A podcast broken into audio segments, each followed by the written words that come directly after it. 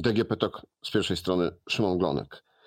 Witam Państwa serdecznie. Dzisiaj naszym gościem jest e, Michał Szczerba, poseł Koalicji Obywatelskiej, współprzewodniczący Międzyparlamentarnej Komisji Ukraina-NATO. Dzień dobry, panie pośle. Dzień dobry, witam serdecznie.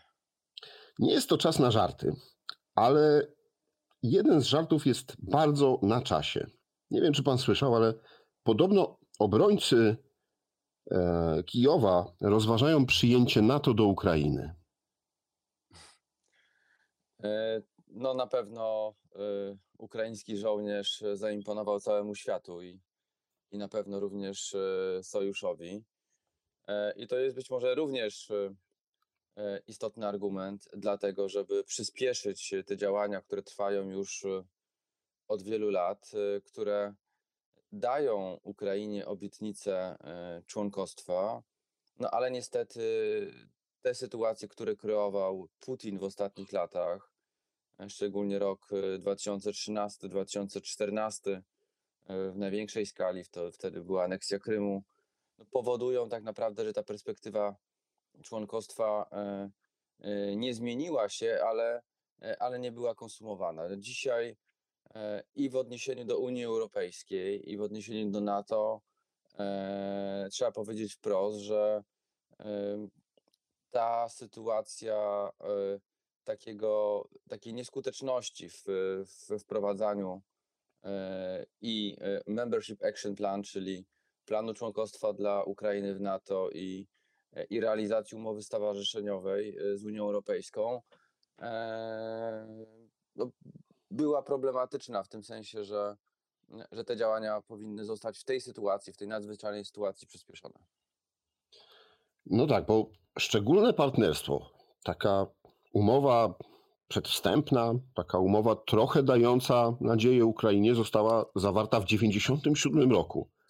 E, no to y, w tym czasie zmieniły się rządy, zmieniła się sytuacja gospodarcza, ekonomiczna Unii Europejskiej, całego świata. No a Ukraina nadal nie. My zostaliśmy przyjęci do NATO, Węgrzy, e, a Ukraina nadal jest poza paktem.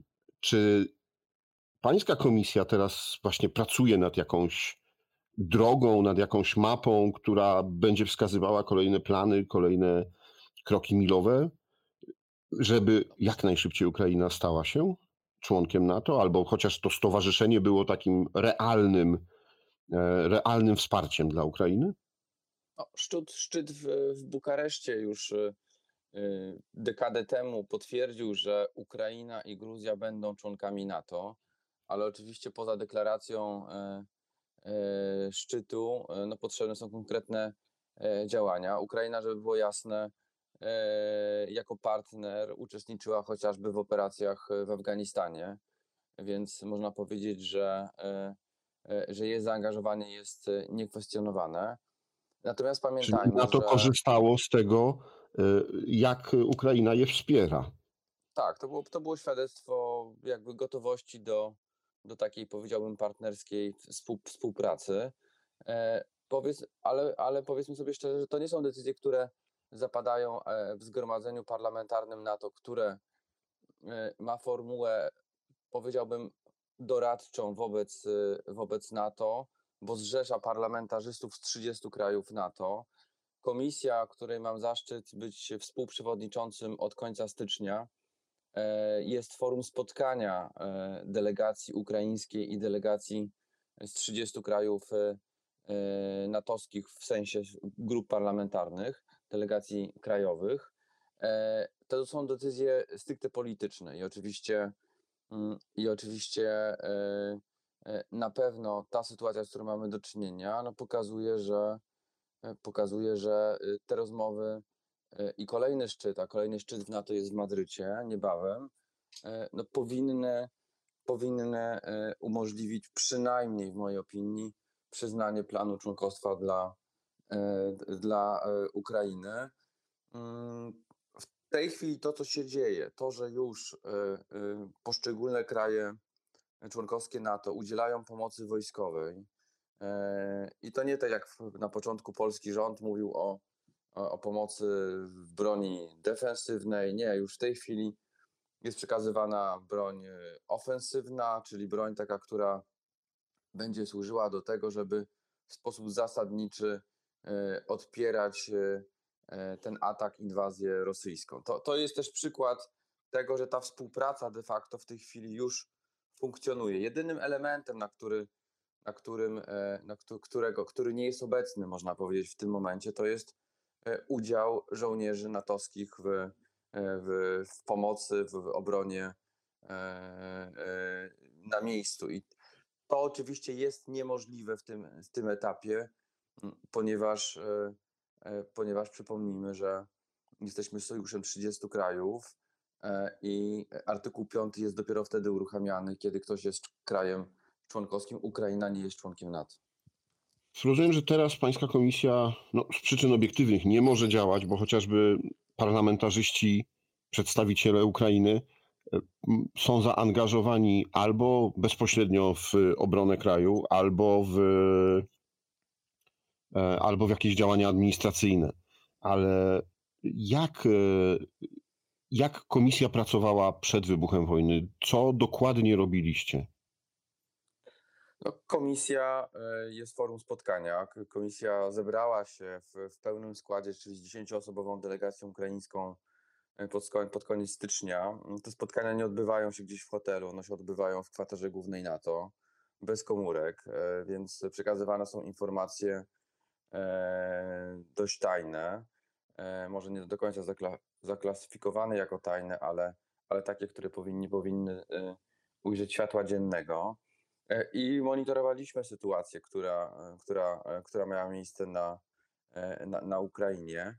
I dzisiaj mam takie déjà vu troszeczkę rzeczywiście, bo wtedy, kiedy, e, kiedy strona ukraińska, nasi przyjaciele z Ukrainy, z Rady Najwyższej Ukrainy mówili o właśnie o chociażby o, o, o internecie satelitarnym, o łączności satelitarnej.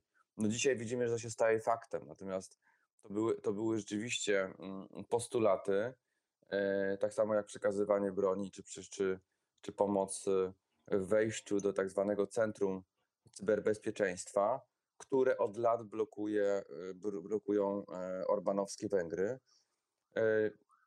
To jest ta formuła spotkania. Pan pytał, czy, czy, czy, czy komisja, czy nasze prace, czy nasze kontakty się urwały? Nie, nie, one się nie urwały.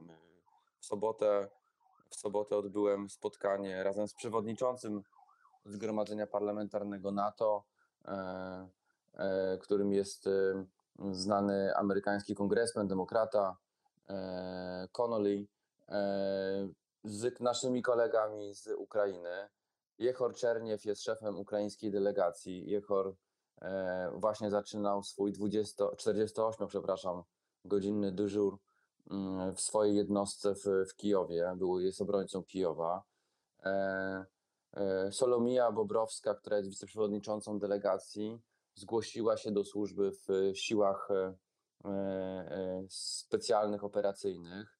E, Inni moi koledzy y, z Rady Najwyższej Ukrainy zostali wyposażeni w broń e, i e, nikt nie ucieka. Znaczy są oczywiście jakieś środowiska, które są, nazywamy je promoskiewskie, e, które jeszcze przed inwazją rosyjską z pewnością dzięki swoim kontaktom miały informacje i opuściły, e, upuściły Uk- Ukrainę, ale, ale ludzie od e, Wołodymyra Żeleńskiego z, mm, z partii Sługa Narodu, ludzie od Petro Poroszenki, e, e, e, z jego, z, jego, z jego formacji są po prostu w tej chwili e, i w obronie terytorialnej, w terytorialnej, i w wojsku, e, i, e, e, i w siłach operacyjnych, w siłach specjalnych. e, I jednocześnie prowadząc te działania dyplomatyczne, o których mówiłem, czyli kontaktując się bez względu na to, czy są w mundurze, czy są z karabinem, czy są e, w schronie, przekazują na bieżąco potrzeby, e, a następnie naszym zadaniem jest komunikowanie tych potrzeb e, określonym e, rządom krajowym. A jakie to są potrzeby? O czym oni e, w weekend mówili? No oczywiście poza, poza tymi potrzebami takimi najpilniejszymi humanitarnymi. No, Te potrzeby są e, natury wojskowej, znaczy natury sprzętu wojskowego i oczywiście e, obrona, obrona, znaczy jeżeli zada, zadaję pytanie mojemu koledze z Ukrainy, czego wy potrzebujecie, potrzebujemy sankcji, potrzebujemy broni. To jest, to jest, e, najkrótsza możliwa e, odpowiedź. E, Mam wrażenie, No To że w sam- weekend wydaje się, wydaje się, że się wydarzyło, Tak, że tak, wydarzy- wszyscy, którzy byli szczególnie, oporni, szczególnie stronie ukraińskiej rzeczywiście zależało na Swiftie i, i, i tutaj jakby to, to ta, ta, ta, ta dwudniowa jakby obsuwa, mówiąc kolokwialnie, w, e, w zablokowaniu Swifta dla, dla rosyjskiej bankowości no była czymś nie- niezrozumiałym. Znaczy, to wymagało dużej, dużej pracy dyplomatycznej strony ukraińskiej, która naprawdę nie ma teraz czasu, żeby dzwonić po wszystkich premierach, prezydentach jeden po drugim i przekonywać, czy wysyłać delegacje do negocjacji, mm, to wydawało się po prostu naturalne, że, że jedynym elementem, e, który może zatrzymać Putina, są sankcje, które on odczuje. Nie tylko on personalnie, ale odczuje cały kraj, a w szczególności oligarchowie, którzy są źródłem finansowania e, jego, jego współpracowników. e, e, I, I ten kapitał, ten majątek jest przecież zgromadzony w wielu krajach Europy Zachodniej, nawet w Stanach Zjednoczonych. W związku z powyższym te sankcje muszą być realne, one muszą być dotkliwe, one muszą być natychmiastowe. Druga sprawa oczywiście to jest kwestia broni i, i niewątpliwie ważnym elementem jest system obrony e, przeciwpowietrznej i to zadeklarowało NATO. Jeden z krajów, czy niektóre kraje członkowskie, już nie będę w tej chwili wymieniał ich e, konkretnie, taką, taką, taki system obrony e, przeciwpowietrznej udostępnią Ukrainie. No i spływają te wszystkie deklarowane mm, te, ładunki czy, czy, czy, czy te dostawy, które, które, e, które były, były obiecywane. E, I ostatnia sprawa, e, bardzo ważna, to jest to, że, że udało się zatrzymać mm, przestrzeń powietrzną dla, e, zamknąć przestrzeń powietrzną dla, dla rosyjskich samolotów. To jest za mało. e, Jest taki postulat, który, o którym mówi strona ukraińska, o zatrzymaniu e, e, przestrzeni powietrznej nad Ukrainą. To by umożliwiło Ukrainie e, lepszą obronę. Panie pośle, e, pomagałem w weekend e, znajomym z Ukrainy przedostać się do Polski. To znaczy, oni musieli sami się przedostać do Polski, natomiast ja organizowałem dla nich po tej stronie jakąś, jakąś pomoc, noclegi. W sobotę, kiedy stali w gigantycznym korku, 10 kilometrów przed e, przejściem granicznym, e, w pewnym momencie skontaktowali się ze mną i powiedzieli: Szymon, a czy w Polsce jest bezpiecznie? Ja powiedziałem, e, trochę nie zrozumiałem na, na początku tego pytania, ale mówię: No tak, jesteśmy bezpieczni, jesteśmy członkami NATO, jesteśmy członkami Unii Europejskiej. No bo tutaj e, ludzie trochę zaczynają rozmawiać, że jak Putin zajmie Ukrainę, to Polska będzie następna. jak walczyć no, z takimi trochę face, fake e, newsami, z takimi trochę e, informacjami, które myślę, że też wywołują po tamtej stronie e, granicy, ale mogą i przyjść do nas. No właśnie, niepokój. To czy NATO na pewno nam pomoże? A może NATO już coś robi, a my o tym nie wiemy? Panie redaktorze, przede wszystkim e, żyjemy w niespokojnych czasach i nawet jeżeli wśród Ukraińców czekających na dotarcie do, do bezpiecznego lądu, jakim jest w tej chwili Polska, takie, takie myśli się pojawiają, to tym bardziej one się muszą pojawiać u, u odpowiedzialnych polity, polityków i komentatorów. Rzeczywiście żyjemy w czasach i o tym mówili nam koledzy z Ukrainy, e, kiedy y, na czele y, Federacji Rosyjskiej stoi człowiek, który przestał podejmować racjonalne decyzje. Znaczy, to powiedzmy sobie szczerze, ja nie jestem ani psychiatrą, ani, ani psychologiem, ani, ani nie próbuję jakby zgłębiać natury ludzkiej, ale wszystko, co robił Putin, co robi w tej chwili Putin, e, jest nieracjonalne. Znaczy, to nie jest tylko próba zniszczenia państwowości ukraińskiej, jego jej integralności terytorialnej, e, ale, ale, ale to, jest, to jest po prostu zaciąganie takiego długu e, wobec, wobec samej e, Rosji, długu w sensie, e, w sensie, w sensie konkretnej listy przeszkód w, w jej rozwoju na, na wiele, wiele lat. Bo to nie, to nie jest tak, że, że, ten, że ta sytuacja, z którą mamy do czynienia, się skończy za miesiąc, za, za, za, za dwa, za, za, za rok czy za trzy. Znaczy, nie będzie powrotu do, do sytuacji business as usual. Znaczy, e, nie będzie tak, że Orban będzie przyjeżdżał do, do Putina, będą się klepać po, po plecach, pić szampana i, i, i robić interesy. Nie, znaczy żaden polityk Zachodu, który w tej chwili będzie utrzymywał jakiekolwiek relacje, mm, czy to gospodarcze, czy to, czy to prywatne, już nie daj Boże, y, y, z człowiekiem, który jest zbrodniarzem wojennym, jest mordercą po prostu ukraińskich dzieci, kobiet i żołnierzy, e, nie będzie miał miejsca w, w takiej zachodniej e, wspólnocie e, wartości. Czy Polska jest bezpieczna? Tak, chciałbym bardzo, żeby była bezpieczna. E, I na każdym spotkaniu, w którym uczestniczę jako członek Zgromadzenia Parlamentarnego NATO, e, to bezpieczeństwo tak zwanej flanki wschodniej NATO jest potwierdzane. I ono nie jest potwierdzane tylko słowami, ale e, na terenie Polski w tej chwili znajduje się kilka tysięcy amerykańskich żołnierzy, znajdują się żołnierze brytyjscy. Oni zostali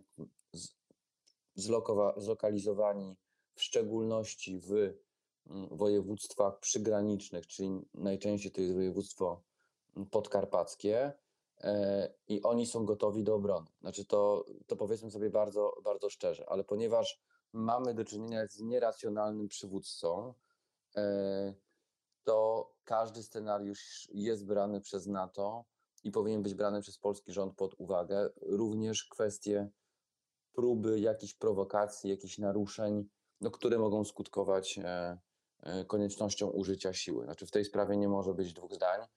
Po to jest Sojusz Północnoatlantycki, żeby w sytuacji niebezpieczeństwa bronił kraju sojuszniczego. Kolektywnie.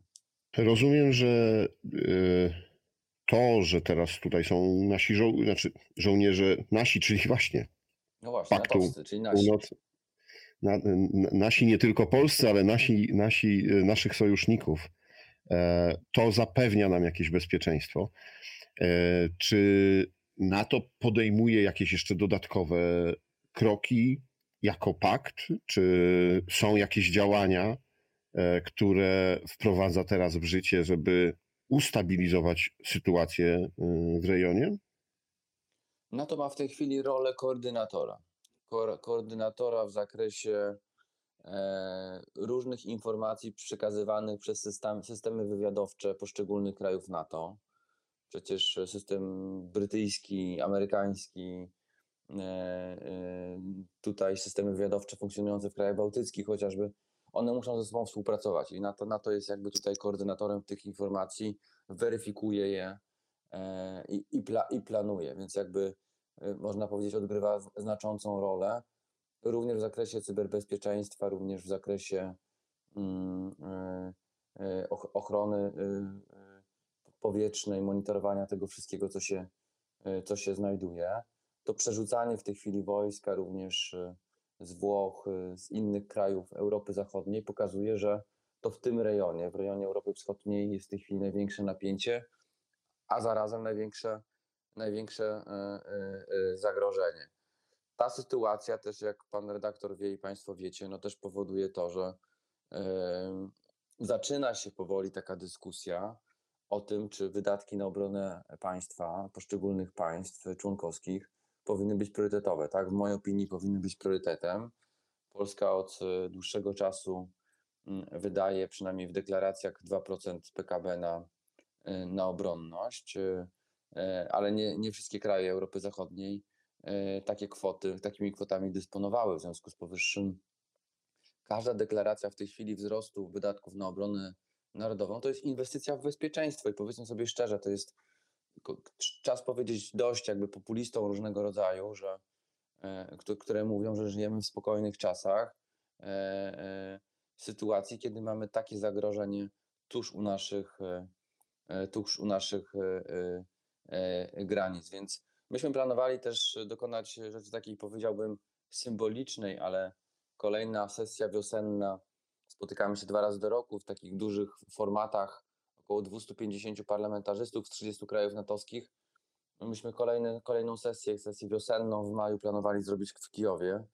No dzisiaj widzimy, że może to być utrudnione.